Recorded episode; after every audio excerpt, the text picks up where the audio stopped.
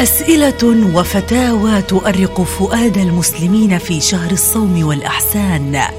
أجاب عنها أهل العلم والشريعة لتدخل على فؤادهم اليقين والاطمئنان.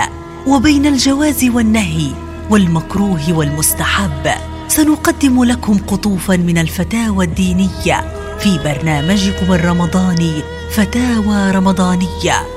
مع فضيلة الشيخ ياسين أبو خصوان ما هو حكم اعتكاف العشر الأواخر من رمضان؟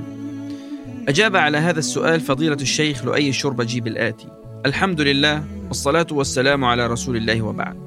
الاعتكاف في المسجد عبادة مستحبة في رمضان وغيره ويتأكد الاعتكاف في رمضان وفي العشر الأواخر منه تحريا لليلة القدر.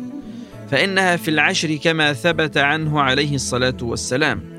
وحري بالمسلم أن يغتنم هذه النفحات ليتحصل على الأجور العظيمة في هذه الأوقات الفاضلة. والله أعلم.